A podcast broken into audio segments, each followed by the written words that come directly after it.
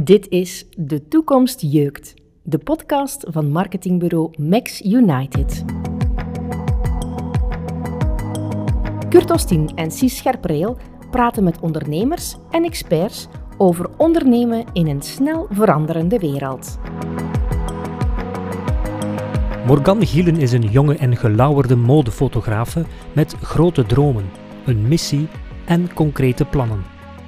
Wie deze taboe doorbrekende fotografe niet kent, kan best even haar naam googlen of op zoek gaan naar hashtag NoBabes. Kurt nodigde Morgan uit voor een boeiend gesprek over haar opvallende dromen. Ik vind dat er gewoon meer representatie moet zijn voor de mooie imperfectheden dat er bestaan op deze wereld.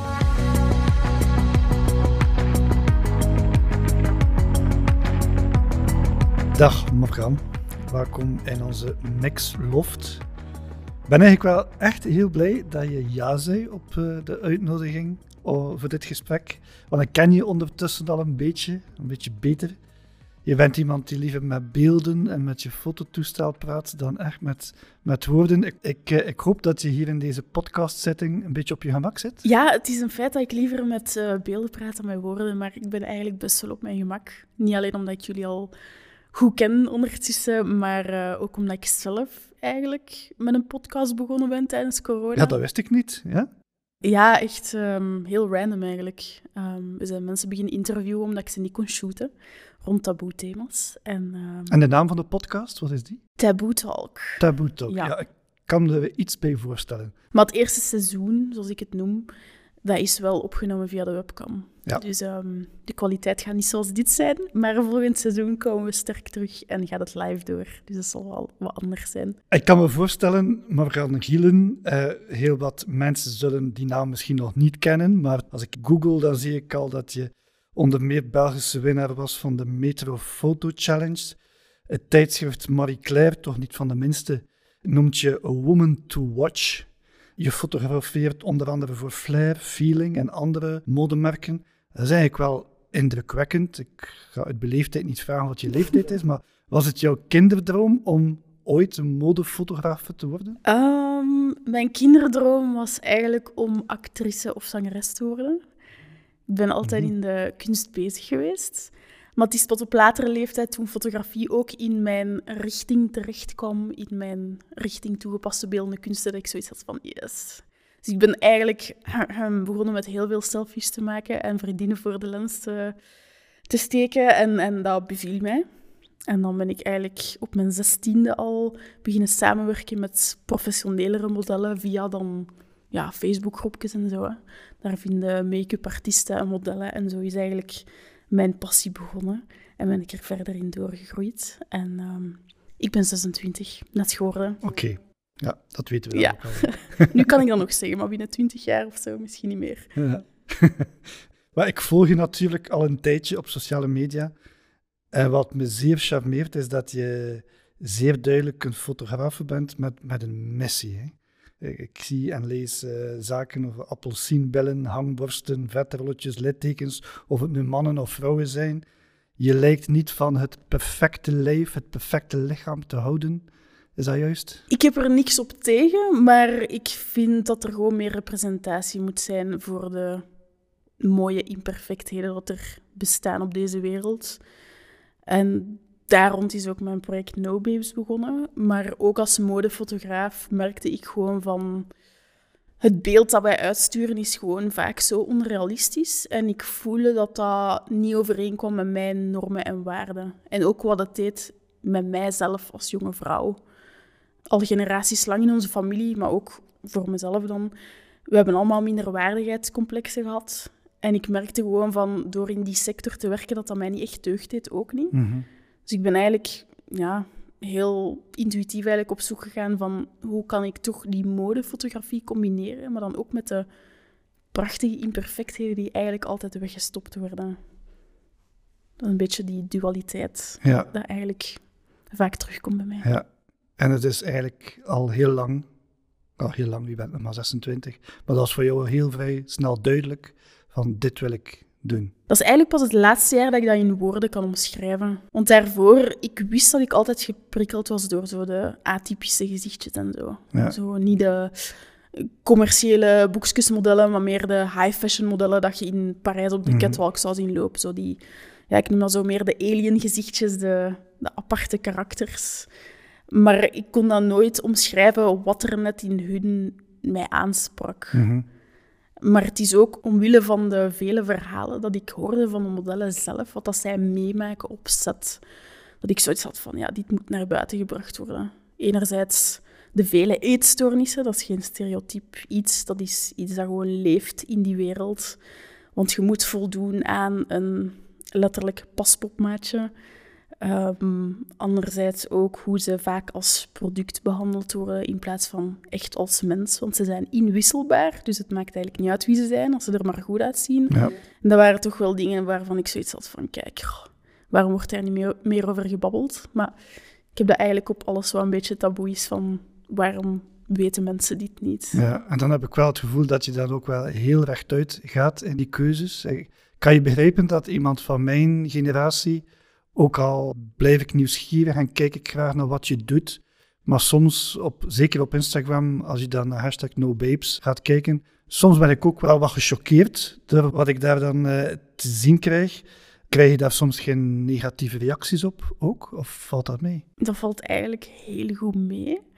Maar ik denk dat Instagram wel op zich een veilig platform is, in de zin van alleen mensen die het echt willen zien, komen ook kijken. Terwijl op Facebook, daar heb ik wel al meer negatieve reacties gehad, omdat soms verschijnt dat in nieuwsoverzichten van mensen en willen ze dat totaal niet zien. Ja. Dus daar heb ik wel al mensen gehad die zeggen van, wat is met deze? En eh, je moet daar een trigger warning voor zetten, omdat het zo een chockerend verhaal kan zijn. Terwijl op Instagram heb ik eigenlijk echt 99% van de tijd allemaal positieve ja, reacties. zie ik inderdaad ook wel. Dus, eh, ja.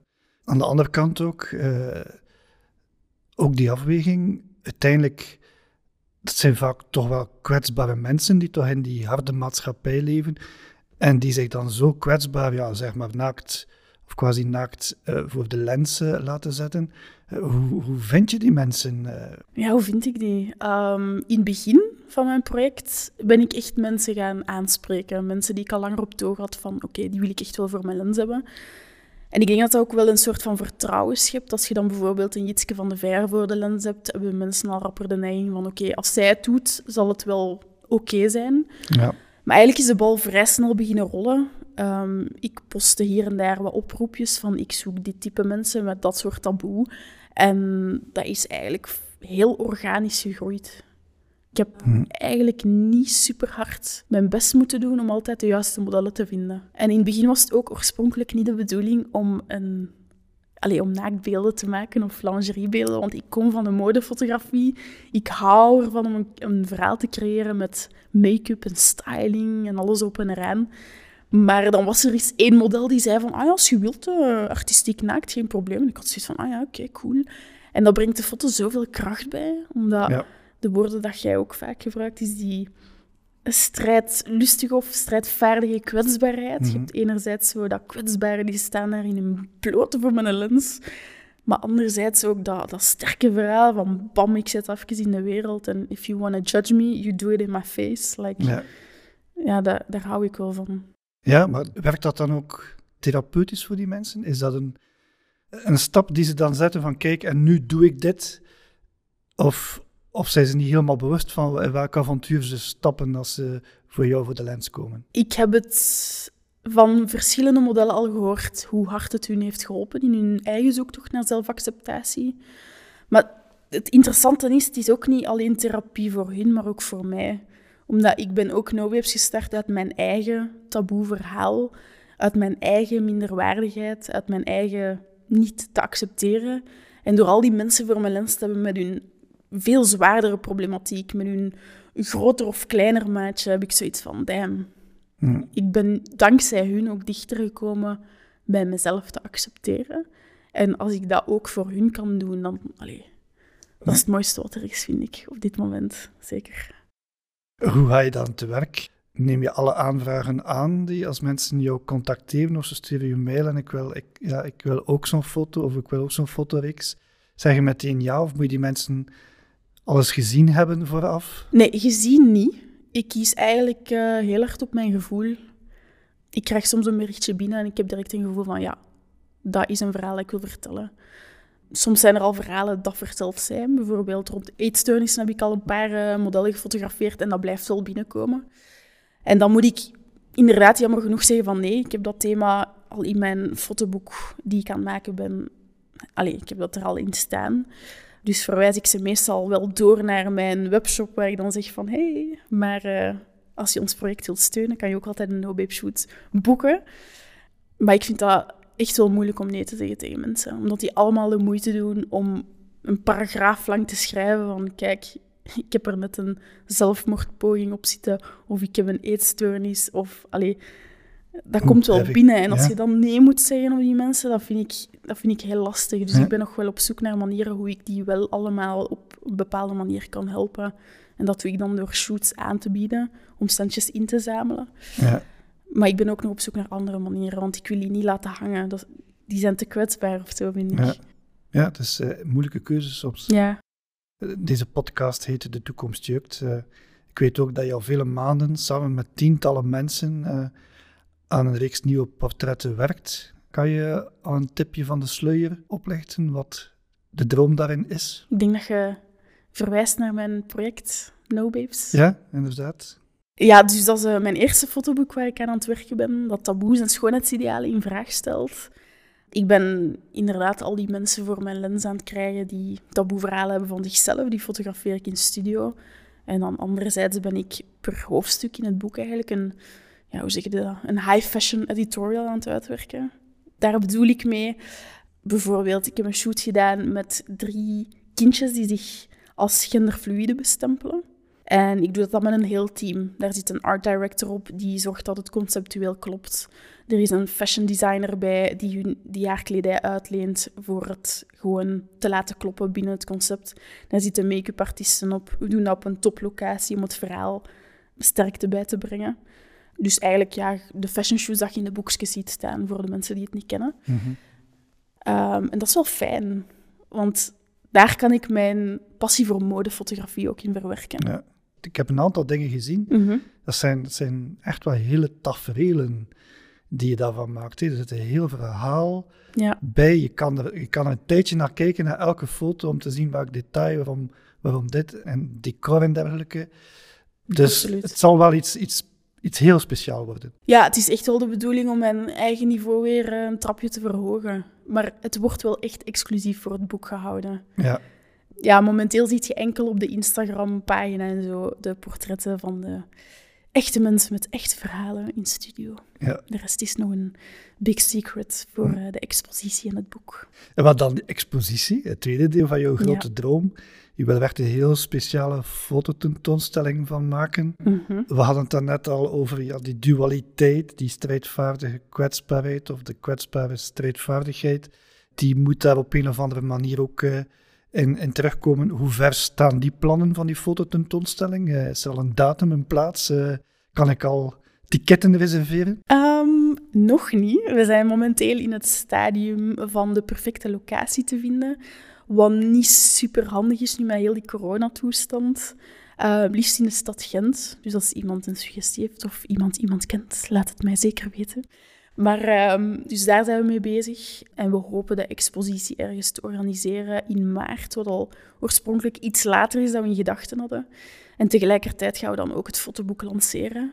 En ik wil een heel atypische foto-expositie organiseren, want ik ben zelf niet echt fan van binnenstappen, naar foto's kijken en terug naar buiten gaan. Dus ik wil echt wel de mensen meenemen in het verhaal en al hun zintuigen prikkelen. Hmm. Dus ik kan wel zeggen dat ik er meer een beleving van ga maken dan dat ze gewoon gaan zijn, denk ik. Ja. En dan is er nog een klein detail natuurlijk, hè? die dromen, die plannen. Ja. Maar dat kost geld natuurlijk. Is dat niet iets moeilijker? Ja, inderdaad. Ehm, ik hoop nog sponsors te vinden die ons kunnen bijstaan in onze droom te verwezenlijken. Want het gaat inderdaad toch wel makkelijk naar de 50.000 euro gaan om dat allemaal te bekostigen. Ja, kan ik me voorstellen. Ja. ja, en het is ook de eerste keer dat ik het doe. Dus um, het is zo wat aftasten van, oh, oké, die kost komt er nog bij en dat komt er nog bij. Ja. Dus we zijn bezig met een crowdfunding op te starten. Dat doe ik nu al een beetje met het verkopen van No Babes mondmaskers en totebags. Maar ook binnenkort de pre-orders van het boek. Voor op voorhand eigenlijk al centjes in te zamelen. En eh, we hopen dan ook nog sponsoring te vinden voor die grote kosten te dekken. Mhm. Want eh, ik wil het gerust allemaal uit eigen zak betalen, maar dat gaat helaas niet lukken. Eh, maar het is, een, het is een prachtig initiatief. Ik ben er ook van overtuigd dat het resultaat de, de moeite zal zijn. Dus ik hoop ook dat, het, dat het lukt. En vandaar ook dat we heel blij zijn met deze podcast. Dat we misschien mee een klein beetje kunnen gaan zoeken en zaaien van, naar mensen die, die diezelfde gedachten eigenlijk wel uitdragen. Eh, ik ben er zeker van dat die mensen te vinden zijn. Als dat zo zou zijn, waar kunnen mensen jou contacteren? Wa- Hoe, hoe ben je makkelijkst te bereiken? Sowieso via sociale media kan je mij vinden. Niet alleen onder mijn naam, Morgan Gielen, maar ook onder NoBabes. Op Instagram is dat nobabes.official. Maar we hebben ook een website, www.nobabes.be.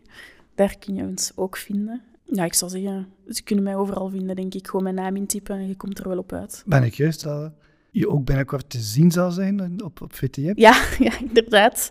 Ik ben aangesproken geweest door het team van Flow Indie, ehm, bekend van Flowjobs. En ze gaat nu een serie maken rond taboes doorbreken eigenlijk ook, op VTM 2. En ik ben daar te gast samen met mijn vriend in een van de afleveringen. En we gaan daar praten over ja, het taboe rond het libido in een lange relatie. Is dat waar dat Belgen drie keer per week seks hebben of niet? Dus daar praat ik ook eigenlijk heel openlijk over mijn relatie. Ehm, alles wat kan helpen om taboes te doorbreken, dat doe ik graag. Trouw aan jouw missie. Absoluut. Het jou. Ehm, het is duidelijk, de toekomst jukt. Eh, je weet dat Sis en ik grote fan zijn van jou. Maar ik ook van jullie hoor. We wensen je heel veel succes en ik zal met veel belangstelling naar die expositie komen kijken. Ja, jullie zijn sowieso VIP uitgenodigd. Bedankt. Morgan Gielen heeft een missie. En die missie is tegelijk haar oneerlijk voordeel. Wil jij Morgan steunen? Wil je helpen om haar droom te realiseren? Surf dan zeker naar nobabes.be.